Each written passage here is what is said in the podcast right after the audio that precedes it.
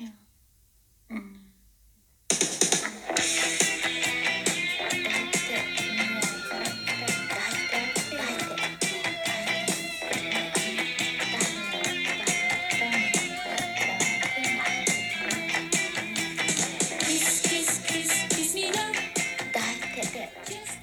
Dos pescadors al soterrani.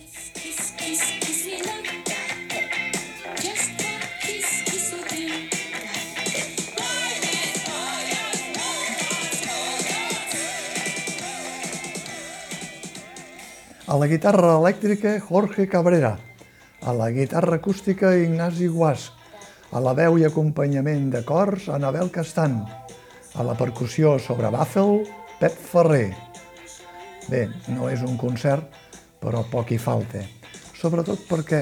les peces originals de l'obra Kiss Me Love tenen autoria catalana del compositor, actor i director Ferran González, ni que s'emmirallin en els millors temps del rock, allò de Bona nit, Barcelona, que tant agrada cridar al bos, i que el títol del muntatge porti a la memòria la mítica parella de John Lennon i Yoko Ono i la seva Kiss, Kiss, Kiss. La companyia Les Antonietes s'ha afegit a la irada que corre aquesta temporada pels teatres sobre posar de manifest les situacions de vulnerabilitat o dependència, com Boja, sobre les malalties mentals, al Teatre Òlia, Cost de vida, sobre la tetraplègia i la invalidesa a la Villarroel, El peix daurat, sobre la depressió, a la Sala Atrium, Els encantats, sobre la família trencada, a la Sala Beckett, i també aquesta, Kiss Me Love, al Teatre Acadèmia. El dramaturg i director Oriol Terrasson continua amb el seu cicle de trilogia sobre la família. Un dia qualsevol, sobre la seva àvia, Kiss Me Love, sobre el seu pare, i la que està en procés, Un ocell sobre la pluja, sobre ell mateix, amb una obra que, com deia, malgrat que està inspirada en la situació personal del pare de l'autor, que es va veure afectat per la pèrdua de la memòria, ho fa extensiu a altres situacions no tan habituals de la gent gran o la demència, com poden ser els ictus o les conseqüències irreversibles d'un accident de circulació que pot provocar un hematoma subdural. Per això, Oriol Terrasson juga amb dos personatges de dues generacions. Ataulf, amb bo final, un venedor de fruita i verdura d'edat avançada, propietari d'un magatzem en plena collita de mandarines, de la Xina, per allò del mandarí, i un jove exmúsic que es fa dir Lennon, com el John, però només amb una N, que té el trastorn de la retenció de la memòria més recent des que va patir un greu accident. Els altres dos personatges són la filla del verdolaire, la Marina, que ha deixat la universitat per portar al magatzem quan s'adona de les limitacions del seu pare, i el germà gran del jove exmúsic, Marc, també músic roquer, separat, amb una filla de 6 anys allunyada al Canadà, amb la seva mare, que ha acollit el seu germà post-accident a casa. La trama té la virtut d'encadenar una sèrie de situacions sense fosc en fusió dels personatges que tan aviat són el pis on viuen els germans músics com el magatzem farcit de caixes de mandarines. I té també una altra virtut, encadenar una història que comença aparentment fragmentada,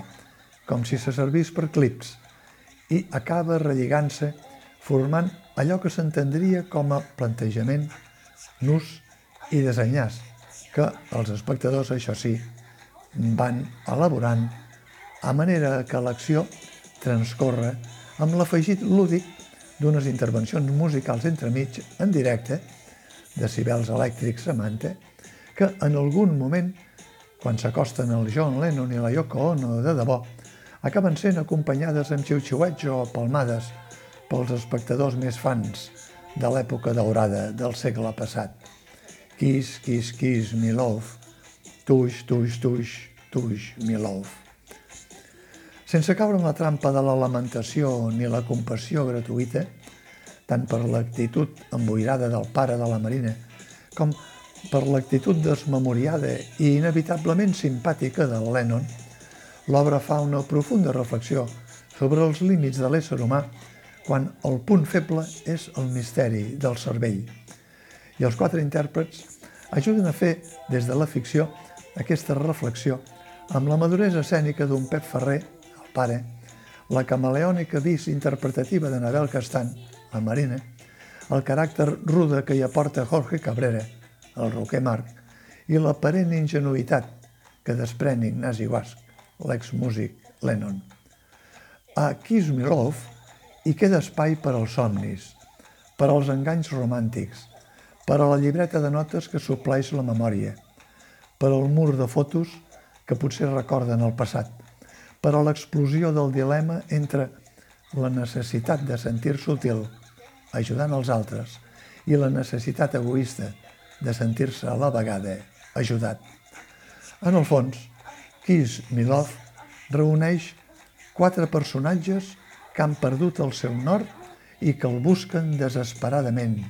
però sense brúixola. Per trobar-lo,